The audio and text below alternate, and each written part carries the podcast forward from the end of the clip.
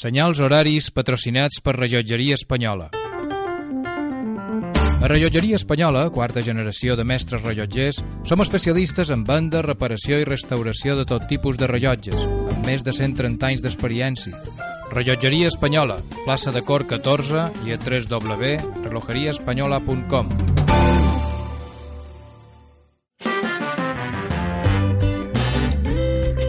Escoltes Ona Mediterrània gràcies al suport de les persones associades. Ajuda'ns tu també. Associa't. Fes créixer Ona Mediterrània.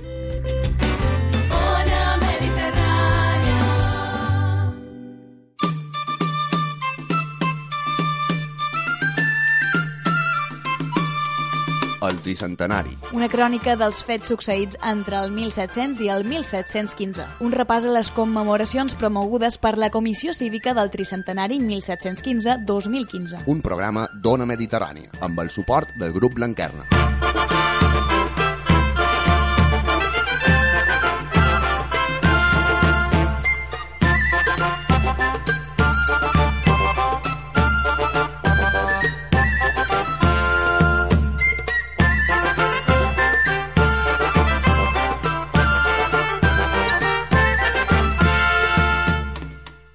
Tal i com vos hem explicat en aquesta sèrie de programes que hem titulat el Tricentenari, les eh, conseqüències de la Guerra de Successió a Mallorca i a la resta de territoris de l'antiga Corona d'Aragó varen ser devastadores. Avui mos centrarem en conèixer el desenvolupament, però també i sobretot aquestes conseqüències devastadores que va tenir la Guerra de Successió en el darrer territori conquerit pels, eh, per l'exèrcit borbònic, que és Eivissa. Parlarem d'Eivissa, de la Guerra de Successió, en Isidor Marí, que mos explicarà com eh, varen patir els eivissencs aquest final de la Guerra de Successió. També avui farem un itinerari pels llocs més emblemàtics, pels llocs més simbòlics, pels llocs més destacats de la Guerra de Successió a Mallorca. Ho farem acompanyats d'en Gaspar Valero.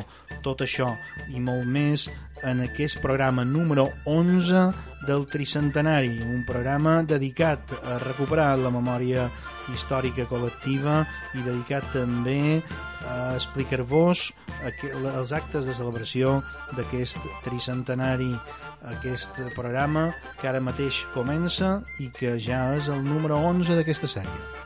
Som el Tricentenari, el programa Dona Mediterrània amb el suport del grup Blanquerna dedicat a parlar dels fets succeïts entre 1700 eh, i 1715 i també i sobretot a parlar dels actes de commemoració d'aquells fets que s'estan desenvolupant durant aquest 2015. Saludant ja en el nostre col·laborador, en Pere Ripoll. Pere, molt bon dia. Bon dia. Avui, ja ho has sentit, parlarem d'Eivissa i també farem un recorregut eh, pels escenaris més importants del final de la Guerra de Successió a Mallorca. Molt interessant, pot ser. Eh, Ho serà. En Eivissa comptam en les explicacions d'en Isidor Marí, que connectarem tot d'una, i per fer aquest recorregut històric parlarem amb en Gaspar Valero. Uh, Pere, ben atent.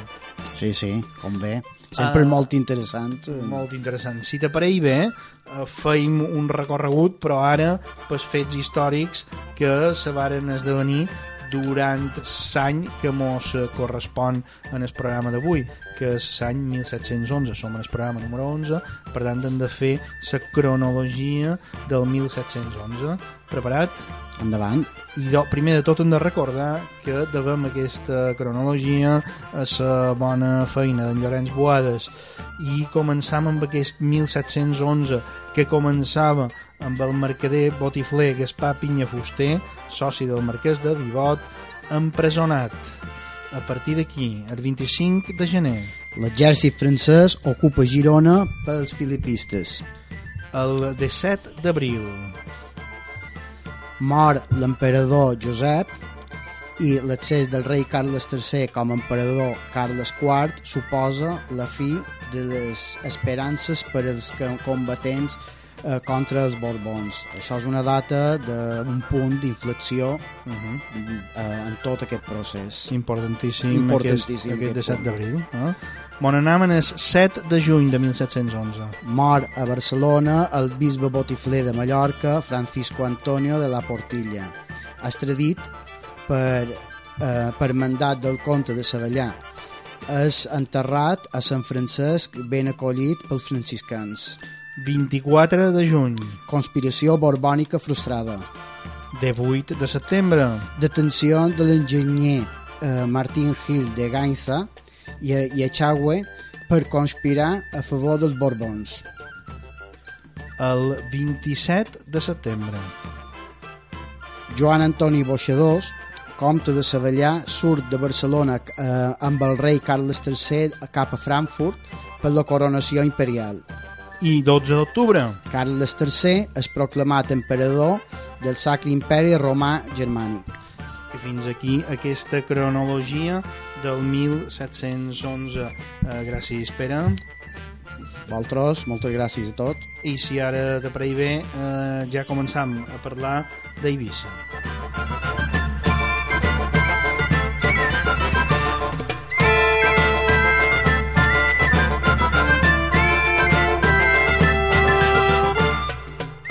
Durant la Guerra de Successió, Eivissa es declara lleial a l'arxiduc Carles d'Àustria i és, de fet, el darrer, el darrer territori a caure el 1715, ja que a les Illes Balears no s'hi envià cap flota fins després de la caiguda de Barcelona i a Eivissa no s'hi envià res fins després de la caiguda de Mallorca. El decret de nova planta de les Illes Balears posà punt i final a la tradicional divisió d'Eivissa en quartons i en l'únic Consell Comunal, la Universitat. A més de desaparèixer aquesta institució d'autogovern, s'implanta el municipi castellà i es divideix l'illa en 18 municipis. Fora vila, el poblament a l'illa era absolutament dispers, cases pageses en la seva terra al voltant, en només petits nuclis de població a Santa Eulària del Riu i a Sant Antoni de Portmany, de manera que es decideix urbanitzar l'illa. Es creen municipis virtuals sense cap nucli de població per tal d'intentar concentrar els pagesos. Aquesta distribució resulta ineficaç i finalment es decideix ressuscitar els quartons, dividint el territori de fora vila en els actuals quatre municipis. Es creen també durant el segle XVIII la majoria d'esglésies rurals, una per cadascun dels territoris que haurien d'haver estat municipis. Així, a Eivissa s'associa poble a parròquia i no a municipi. Pel que fa a la sal, que era la major riquesa natural de l'illa, Guillem de Montgrí havia cedit els drets sobre la seva explotació al poble d'Eivissa, de manera que, en aparèixer, va ser el govern comunal de les Pitiuses, la universitat, qui va administrar les rendes de la sal, fins que aquesta institució va ser eliminada com a conseqüència dels decrets de nova planta el 1715 i la monarquia se les va quedar per dret de conquesta. De tots aquests fets i de molts altres parlam ara en Isidor Marí.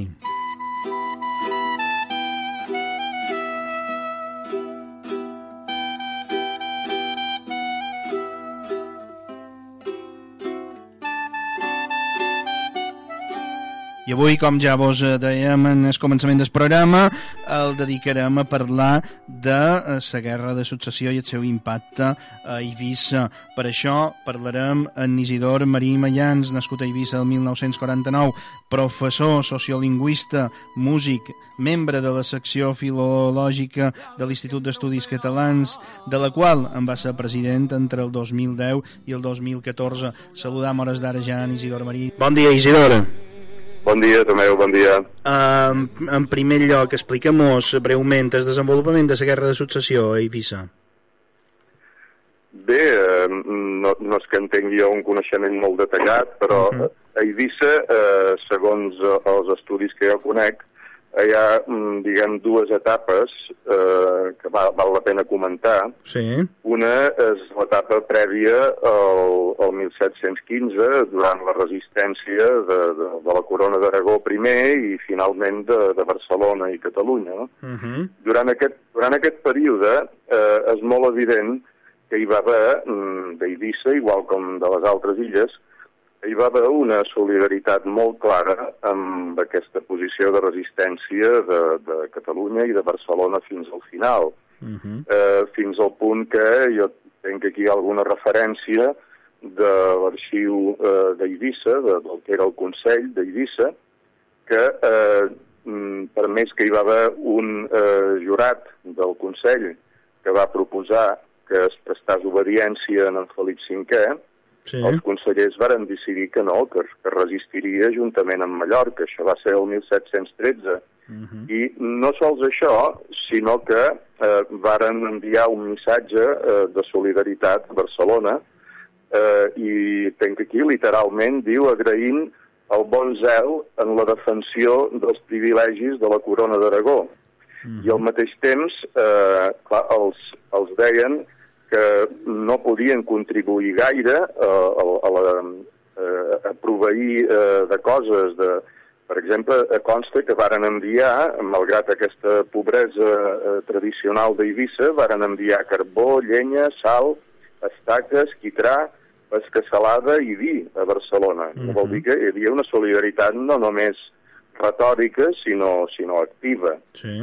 I eh, això va fer que hi hagués una, una resistència eh, eh, naturalment des d'una illa que no tenia gaire, gaire capacitat militar, però era una resistència clara. Uh -huh. Llavors ha aquesta segona part, que va ser ja quan mm, va arribar mm, la caiguda de Barcelona i l'ocupació de les Balears, i a Eivissa eh, va ser terrible aquesta ocupació per moltes raons, no sols perquè es varen perdre eh, les institucions pròpies i el, i el marc legal i totes les eh, mesures que, que, que asseguraven unes institucions eh, autòctones i un autogovern. No sols això, sinó que Eivissa va ser mm, especialment cruel perquè en Felip V va decidir eh, apropiar-se, expropiar les salines. Sí. I això, naturalment, eh, a una illa tan pobra com ha estat sempre Eivissa, això era molt cruel perquè d'aquestes rendes de sal, que era, eren unes rendes de les quals participava qualsevol persona pel, pel simple fet de ser eivissenc, no? Uh -huh. I eh, això va fer que Eivissa, bé, i a Formentera, naturalment, tot això afecta les dues illes, que eh, hi hagués una ruïna molt més, molt més gran de, de la gent i de les institucions. Uh -huh. Eh, I això va fer que hi hagués una, una reacció popular molt eh, enèrgica en contra de l'ocupació. A més, això es va veure greujat perquè eh, els varen obligar els ibicencs a allotjar els soldats eh, que havien ocupat Sí. eh, aquestes illes nostres, els varen obligar a allotjar-los a casa seva. Mhm. I aquesta gent varen començar eh, a robar, eh, en fi, a fer eh, malifetes per tota l'illa, i això va, va originar també una, una protesta mm, que, que es va, encara es va greujar perquè el mateix governador, eh, un governador que devia ser d'origen anglès, perquè es, diu, es deia Dan- Daniel Sullivan, Mhm. aquest precisament va ser destituït per aprofitar-se econòmicament del seu càrrec. O sigui, que això de la corrupció borbònica No, ja, no, ja no. podríem dir que ve bastant des dels, or- dels orígens, no? I tant que sí. Uh, Isidor, les conseqüències, uh, diguem-ne, a, a mitjà i llarg termini uh, són devastadores també per, per Eivissa com per la resta de territoris de la Corona d'Aragó. Evidentment, clar, això va fer que Eivissa, eh, ja dic, que era un, un, un territori eh, pobre, que es veiés encara molt més empobrit eh, perquè el comerç de la sal sempre ha estat un comerç important. Eh, era clar, així com hi ha una sequera molt grossa i, i, i el camp no dona gaire, en canvi, per molta sequera que hi hagi, eh, l'aigua de la massa xuga i sempre hi ha sal, no? Sí, sí, sí, I això va ser, naturalment, va ser molt mal rebut. Mm -hmm. eh, consta també, hi ha un historiador ibicenc, en Josep Pinya, que va, Sí. va estudiar fins i tot conspiracions antiborbòniques a Eivissa. Hi va haver intents de eh, demanar eh, als de Manoca que també ocupassin Eivissa i Formentera. Ja.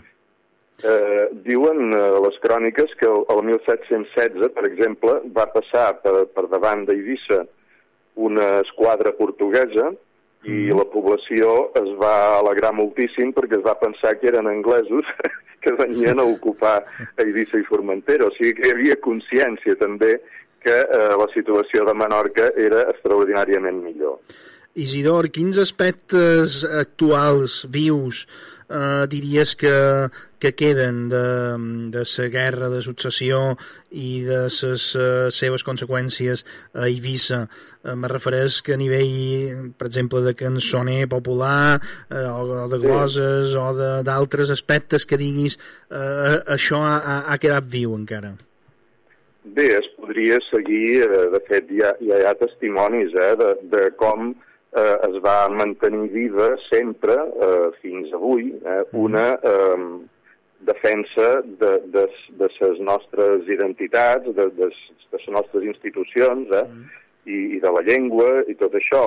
Clar, eh, per exemple, el, el 1760, que això és un fet històricament eh, no, no molt divulgat, Sí. el 1760, a les Corts Espanyoles, tots els diputats de la Corona d'Aragó, Mm. eh, davant, del, davant del rei Carles III, ja varen presentar un memorial de greuges reclamant que es recuperassin eh, les lleis i les institucions pròpies de la Corona d'Aragó perquè hi havia coses absurdes. I ja deia, per exemple, és absurd que els indígenes d'Amèrica se'ls prediqui en la seva llengua i es procuri entendre'ls, i en canvi aquí, eh, com que s'havia mm, su- suprimit una de les lleis que deia que eh, a les Balears només podien ocupar càrrecs els naturals del país, hi havia gent que ocupava càrrecs eclesiàstics o, o civils i que no en tenien la gent.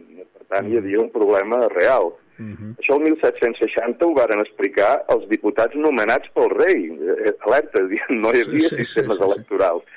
Fins i tot els que havien estat elegits pel rei eh, el 1760 prot protestaven de la situació. Mhm. I això, eh, bé, a començament de, del segle mm, XIX, quan hi va haver les Corts de Cádiz, Mhm. també un diputat eivissenc, en Josep Ribes, també va tornar a reclamar que no era mm, acceptable que hi hagués persones ocupant els càrrecs eclesiàstics que no podien entendre els seus feligresos. Mhm. Coses d'aquest tipus es, es presenten sempre i a començament del segle XX hi ha una sèrie de cançons, precisament jo ara estic treballant amb, amb, amb la producció d'un cantador eivissenc Sí. que, que es deia Josep Ribes, el Pep Xicobet, eh, popularment, un cantador de Sant Agustí, Mhm. que és el que va fer aquelles lletres que havíem cantat amb el grup UC, Ah, sí, en Castella sí, sí, tan sí. pobres que la van governant, tallen per allí on volen i es queden la millor part, Sí. etc.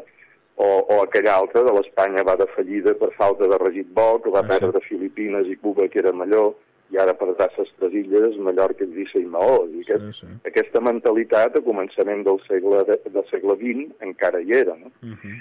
I, de fet, eh, s'ha de, de dir que eh, fins i tot en, en sectors eh, políticament conservadors Mhm. i, i, i no eh, contraris a Espanya, com, com pot ser el mateix historiador Isidor Macavich, Sí. hi havia una consciència clara, ja molt entrat al, al, al segle XX, una consciència clara que eh, el, els decrets de nova planta varen ser mm, una, eh, diguéssim, un, un, un atemptat contra eh, les llibertats de- d'Eivissa i contra el, el, el que és el sentit comú i la, i de la justícia. No? Això Sí. va ser present fins i tot entre, eh, ja dic, persones de, de posició conservadora. Mhm. Isidor, ja per acabar, eh, el tricentenari a Eivissa ha tingut eh, algun impacte, ta- talment com a Mallorca eh, hi ha hagut una sèrie d'activitats, conferències, edició de llibres, etc. Eh, a Eivissa eh, hi ha hagut, eh, en aquest sentit, o està previst que a partir d'ara hi sigui?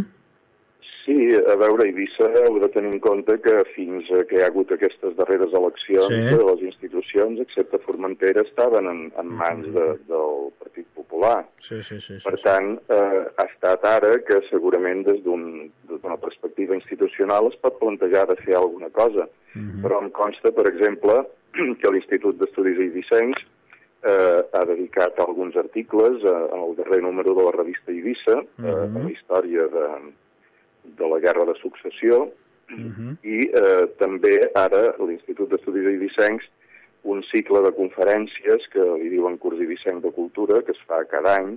Eh, aquest mes de novembre està previst que es dediqui una setmana de, de conferències precisament a parlar del tricentenari i de, i de les conseqüències i, i de les perspectives actuals, perquè també no oblidem que ara estem en un moment en què eh, políticament hi ha la possibilitat de restablir unes relacions eh, institucionals en tots els territoris de llengua catalana i això també crec que és una expectativa important i positiva. I tant que sí. Uh, Isidor Marí, moltíssimes gràcies per atendre els micròfons d'Ona Mediterrània.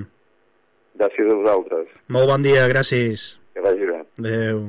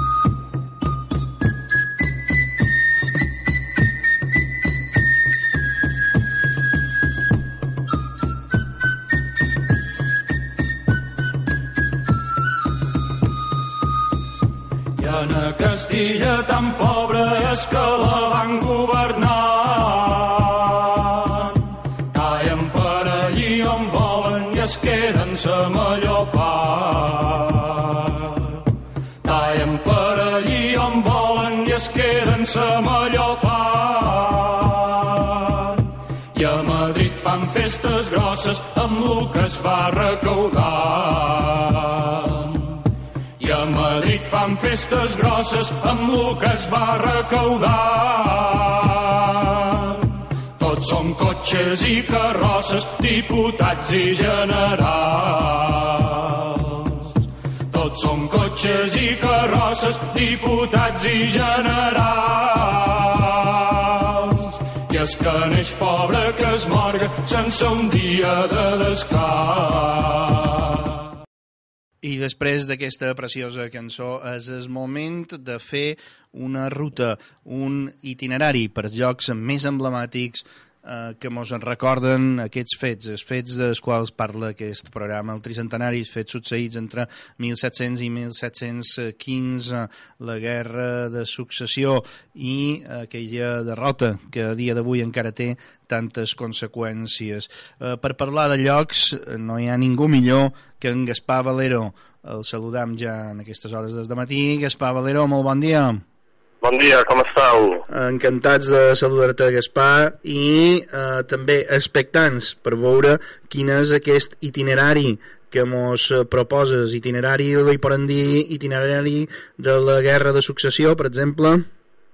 Sí, uh, sí, mira, en concret, en concret de, vos he preparat una mica un itinerari de, de les darreres, diríem, activitats Sí, sí, uh, sí. actuacions bèl·liques, no? Mm -hmm. Que en concret, per tant, parlam d'abril de 1715 Exacte. fins 11 de juliol d'aquest mateix any 1715. Eh? Mhm. És evident que aquest itinerari el podíem ampliar molt més des de l'any 1701, eh? tornant Sí. cap enrere, Sí. però jo crec que, que tenim en les activitats bèl·liques de, de l'any 15, que és el que celebrem realment, més que celebrar commemorem el, el tricentenari, Sí. per tant podríem, podríem fer un itinerari amb una dotzena, una dotzena de punts, que a la vegada que coneixeríem aquests espais, eh, coneixeríem una part important de la nostra història. I doncs, si t'aparell bé, Gaspar, començam pel primer punt. Eh, quin seria el primer punt d'aquesta Sí. dotzena? El primer punt seria mm, seria Porto Cristo, a Manacor, bé, Sí. antigament Esport de Manacor. Sí, eh? sí. Per tant, aquí tenim com un preàmbul, eh? un preàmbul i molt hauríem de situar a un punt eh, certament interessant des del punt de vista de paisatge, però que també mos obriria eh, tota la vista que té cap a, cap a la mà, mos obriria també eh, un panorama important de la història. És un precedent, estan parlant de la Torre del Serral dels Falcons, Sí. ja vols dir que n'és de Manacor, Porto Cristo, i allà eh, tenim un primer intent de desembarcament borbònic a l'illa de Mallorca, perquè com vols dir que estan parlant de la solució final, eh? és a dir, fa, fa d'haver eh, més de mig any que ha passat l'11 de setembre de 1714 a Barcelona Sí. i encara resisteix Mallorca, no? Mallorca i Eivissa. Per tant, eh, aquest seria el preàmbul del final. Aquest primer punt seria la Torre de Serral del Falcons, a Porto Cristo, com vos dic, i tenim eh, una defensa a partir de la torre, la talaia defensiva, on eh, el jove artiller Guillem Riera i, i altres de seus, eh, per tant, de la defensa costanera mallorquina, Sí. que ja se sap que eren eh, pro-Àustria i antiborbònics, eh, per tant, és aquella defensa de, de la llei pròpia mallorquina i de, de les tradicions mallorquines en contra del centralisme borbònic, això, tot això ho tenim molt clar, no? Sí. Per tant, aquest Guillem Riera, eh, aquest jove artiller, eh, va disparar contra aquest eh, primers desembarc eh, 300 homes intenten, borbònics intenten desembarcar, però eh, secció d'en Guillem Riera Manacorí i, i d'altres, eh, més de 30 que acusiren des de possessions entre bucs i ballestes, varen eh, fer tornar enrere, varen avortar aquest primer eh, desembarc eh, borbònic. Ara, això sí, eh, tant va disparar en Guillem Riera que va tenir un terrible problema tècnic, diríem, d'artilleria, i és que va rebentar el canó i el va matar. I- Per i va morir. Aquest seria el primer punt, una mica resumit, seria aquest punt, Sí, sí, sí, sí. la torre del Falcón, de Serral del Falcón Mhm. de, de Costa de Manacor i en Guillem Riera. Cap on anem després? Ara podríem anar, penseu que he seguit una mica un criteri, un criteri, eh, el criteri de l'itinerari val la pena que sigui geogràfic, però també eh, tenint en compte el tema cronològic. Per tant, vos faré fer una mica de volteta. Eh? Sí. Eh, de tota manera, segon punt molt important és Cala Ferrera i Cala Llonga, que la gent potser no conegui molt aquests noms, però són els noms antics de lo que avui en deim Cala d'O. Per tant, uh -huh. anem a Cala, a Cala d'O, i és aquest segon punt molt important, perquè el 15 de juny de 1715 um, una armada franco-espanyola immensa eh, um, eh, comandada pel cavaller d'Asfeld, eh, Vidal d'Asfeld, Sí. eh, resulta que desembarca aquí a Cala Llonga, a Cala Ferrera i també una part a Cala Figuera. Per tant, és al sud, al sud una mica sud-est de Mallorca, on desembarca aquest gran exèrcit, eh, nombrós, eh, nombrosíssim i poderosíssim, amb més de 10.000 eh, francesos al servei dels Borbons. Eh?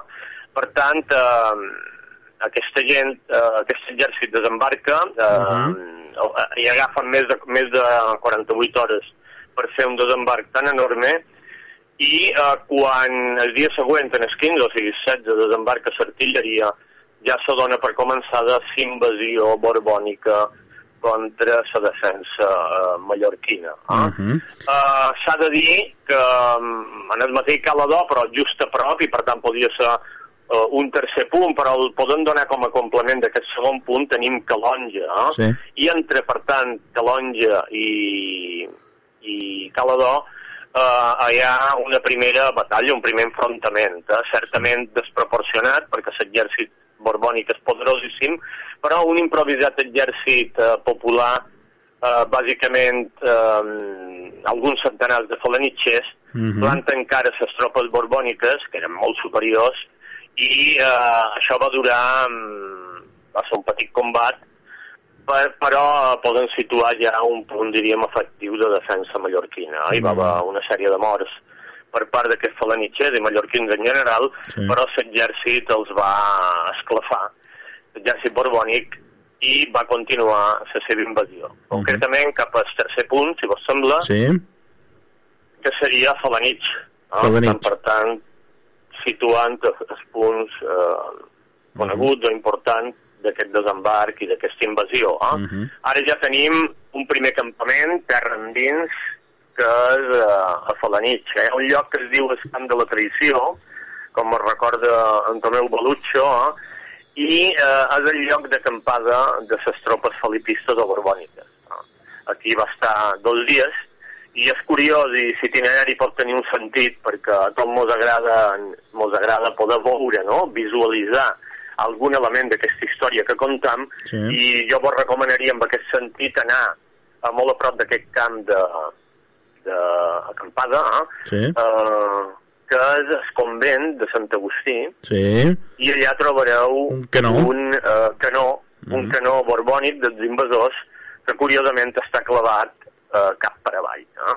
O sigui que seria aquest record d'aquest campament primer ja que inicia la invasió després del desembarc. Sí. Ah.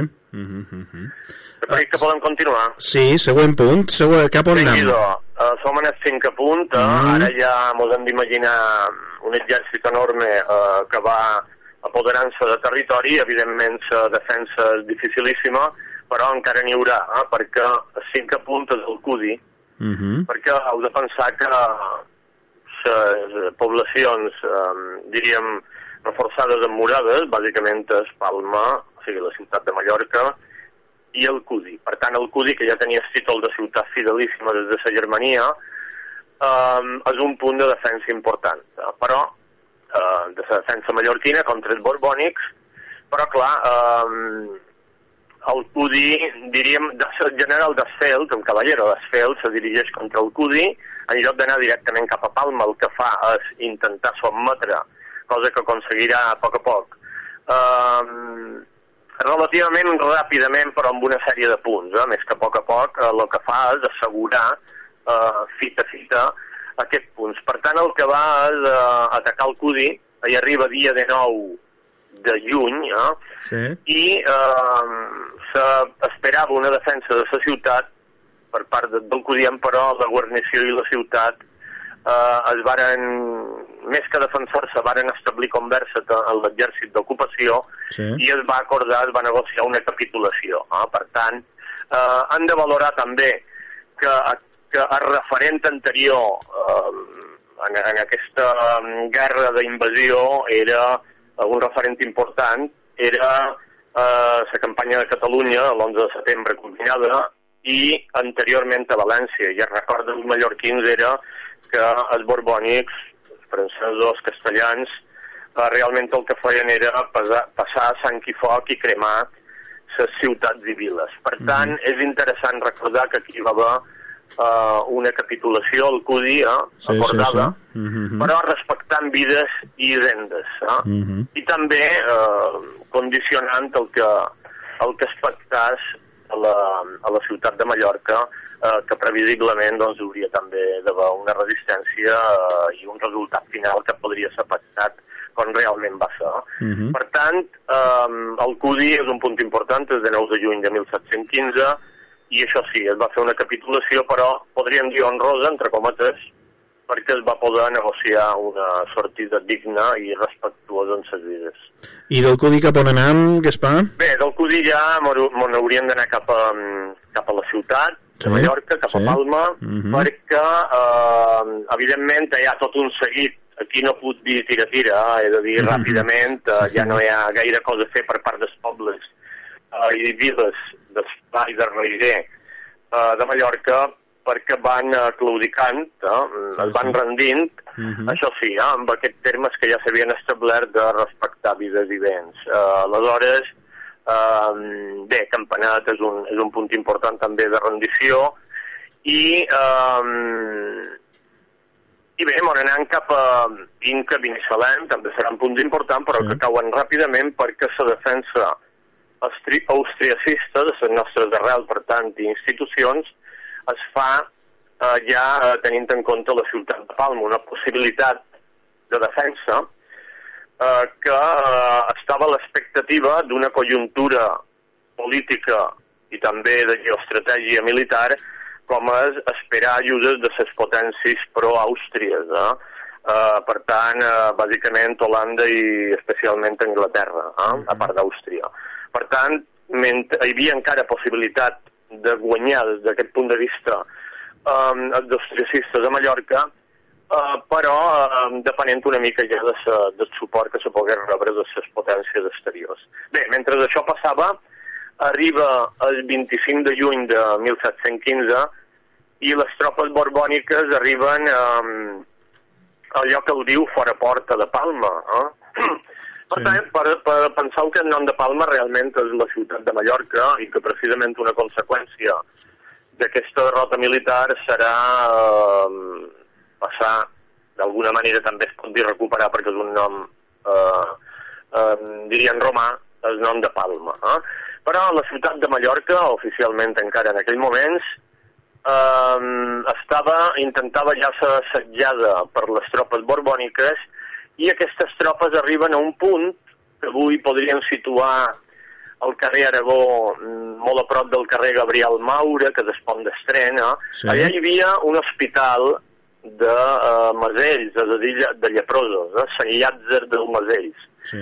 I allà eh, les tropes borbòniques hagueren de retrocedir perquè eh, la cavalleria eh, ciutadana mallorquina va provocar la retirada de les tropes borbòniques. Per tant, he agafat aquest punt perquè seria un punt de, diríem, de contraatac Sí. dels ciutadans, eh, de la defensa mallorquina de ciutat, contra les tropes. No? Mhm. Um, per tant, Llàtzer dels Masells, a un lloc situat avui a l'Eixample de Palma, en el carrer Aragó, de vora carrer uh, Gabriel, uh, Gabriel Maura. Eh? Gabriel Maura. Sí.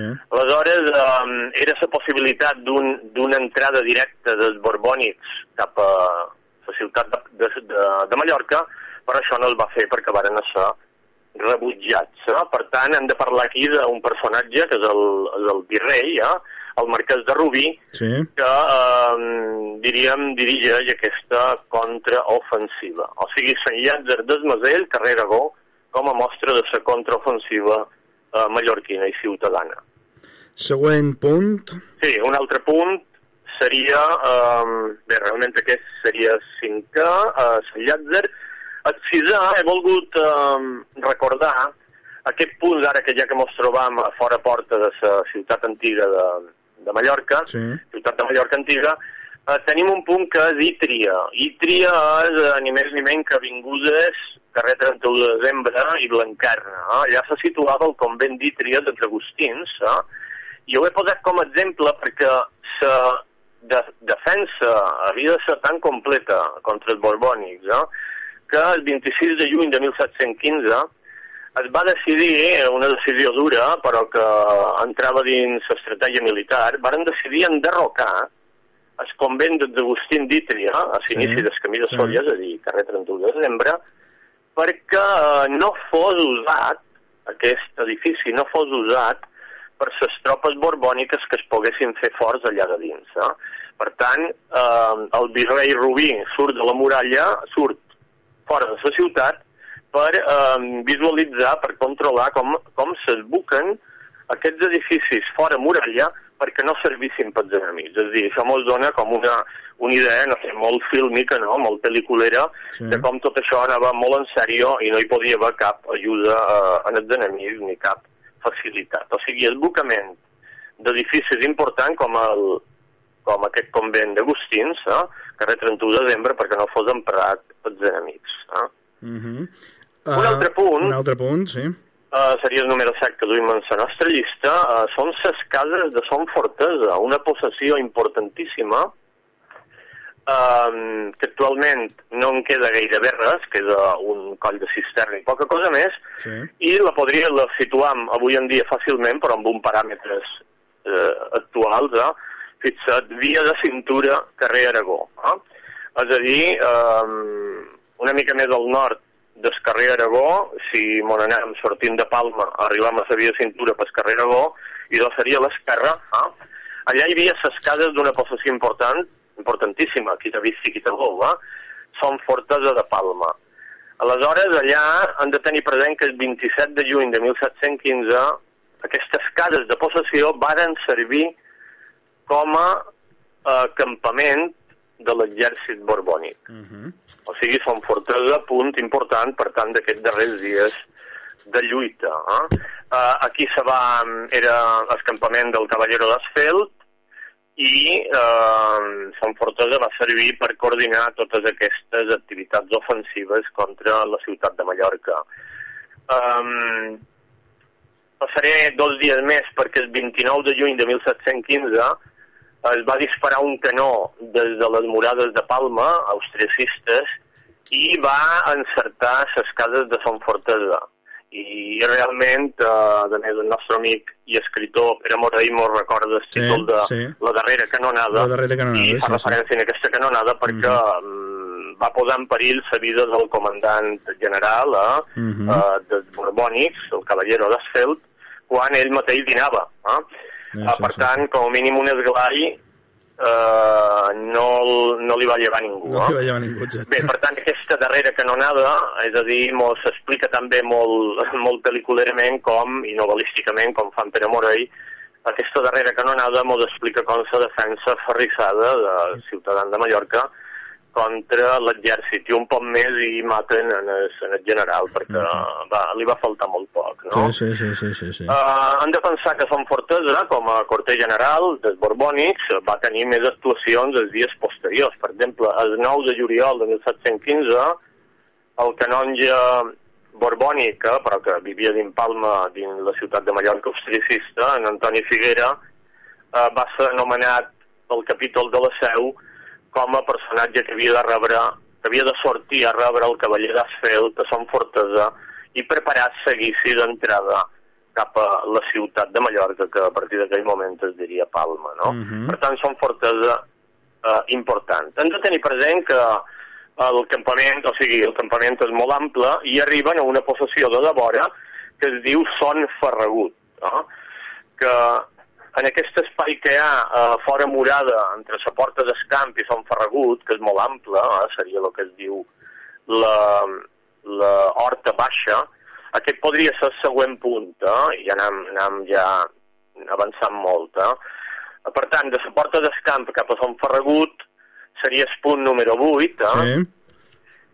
i hem de marcar que el 28 de juny de 1715 hi va haver un atac eh, mentre els borbònics atacaven aquesta banda de Llevant, a Porta d'Escamp i Porta de Sant, de Sant Antoni, eh? Sí. eh, sortir de la ciutat una expedició de 400 homes que varen atacar en els borbònics i, eh, bé, eh, entre morts i ferits en deixaren 300, no són pocs, eh? i eh, 400, perdó, eh? i entre morts i ferits, eh? i 140 presoners. Ja. Per tant, va ser, diríem, una victòria pírrica, que en deim, perquè també hi va, hi va haver baixes per part dels, dels mallorquins, eh? Mhm. però en tot cas eh, podem parlar, algú ha parlat de la batalla de Sant Ferragut, no seria ben bé exactament a Sant Ferragut, sinó en aquest espai, diríem, intermig, de fora murada, eh, bàsicament situat entre Porta de Sant Antoni i Sant Ferragut, que sabia cintura eh, molt a prop del carrer, del carrer eh, Arxiduc Lluís Salvador. Eh? Dir, Sí, molt estem sí, sí, parlant sí, d'una sí. sèrie de, de metres quadrats, d'una sèrie de quarterades, diríem, important, però que haurien servit d'aquest camp de batalla del 28 de juny. Eh? Mhm, mhm, mhm. I si t'apareix ja anem tancant Sí, una mica sí, hem d'anar nostre tancant, itinerari. inclús per temps, perquè anem justets. Sí, per tant, sí, perquè no, ara només queda ja, diríem, la solució final. El Sí. número 9 Mhm, mhm. eh, seria la porta de Jesús, perquè el 2 de juliol de 1715, una vegada s'havia pactat una rendició que poden qualificar d'honrosa, eh, Sí. perquè, perquè sortiran, sortiran els, els austriacistes derrotats sortiran però amb honor i a toc de, de, de, de tambor i de, Sí. i de cornetes, eh? Mhm. I per tant, eh, per una banda, el 2 de juliol de 1715 entren per la porta de Jesús, que aquest seria el punt número 9, Sí. els dos oficials filipistes que es dirigeixen en el Palau Real de l'Almudaina per establir aquestes capitulacions. Eh? Mhm. S'afirma la rendició, per tant, eh, d'aquesta espècie d'asterits i obelits, eh, que són els darrers que resisteixen eh, dins tota aquesta guerra de successió que està a punt d'acabar. Eh? Mhm. Uh, se pacta que les guarnicions sortiran de Mallorca i d'Eivissa també, eh, a tot de, de tambor, i es dirigiran cap a Sardenya eh, i altres zones com a Nàpols. Eh? Sí. Uh, per tant, uh, a Eivissa i Mallorca passaran a poder dels Borbons i de l'estat unitari espanyol que tant por respecte ha tingut cap a la nostra llengua i la nostra cultura. Exacte. Um, en tot cas, uh, si me permets, quedarà només, uh, som en el punt nou ara, Porta de Jesús, eh? Sí. però me queda, diríem, la part final, com és el 3 de juliol a la Porta del Moll, Sí. que les tropes borbòniques, una vegada s'ha firmat el pacte de rendició, ja ocupen aquestes portes, Porta del Moll, Porta de Jesús, Sí. i eh, aquesta Porta del Moll me surt també per indicar com el 8 i 9 de juliol eh, que alguns fan avançar fins dia 11, eh, per tant, Sí, entre el 8 sí. i 11 de juliol, Sí. tenint com les tropes de, de Carles III eh, d'Àustria abandonen Mallorca amb una sèrie de, naus, de naus, eh, amb, en primer cinc naus i després algunes més. Eh? Mhm. Per tant, aquesta porta del moll per on surten, dirien, les tropes i els mallorquins més compromesors amb la causa austriacista, eh, fa que eh, torni, diríem, a la porta de, de Jesús, Mhm. que entre aquest 9 i 11 de... Bé, algunes cròniques parlen del 9, per tant ja ho deixaré així. El 9 de juliol eh, Sí. de 1715 eh, tornem una altra vegada a la porta de, de Jesús on el cavallero d'Esfelt entrarà a la ciutat i ocuparà el palau de l'Almudaina, Palau Real, Mhm. i començarà aquesta època borbònica. Mhm. I do Gaspar, fantàstic itinerari, moltíssimes gràcies per, per, eh, per aquesta feina. Uh, el resseguirem, qualque dia el resseguirem. Tu supos que n'organitzes també de- de- d'itineraris... Uh, Bé, hauríem de mirar, um, hauríem de mirar de- d'organitzar-ho, per tant ja Sí, sí. totes, diríem, les forces interessades i associacions n'organitzaran qualcun, ja crec que serà per setembre. Eh? Per tant, Fantàstic. aquest podria ser un, un compromís Mhm. d'organitzar in situ aquest itinerari. Hem de parlar. Perfecte. Gaspar, moltíssimes gràcies per aquesta bona Moltes feina. gràcies i bon gràcies. Eh, Bon estiu, gràcies. Uh, fins aquí aquest itinerari del tricentenari amb en Gaspar Valero. Era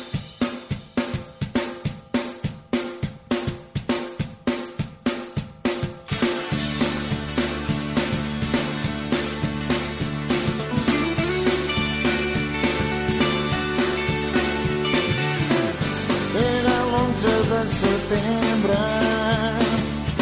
de 1977. Pare treia la senyera amb els ulls plorosos cap al cel. Va dir, mira, aquestes barres representen tot el que tu ets. No li sortien les paraules, no calia dir res més. Temps era temps quan jo era un bailet i el pare em va ensenyar d'on soc. I ara el guardaré, agafaré aquest sentiment i el tindré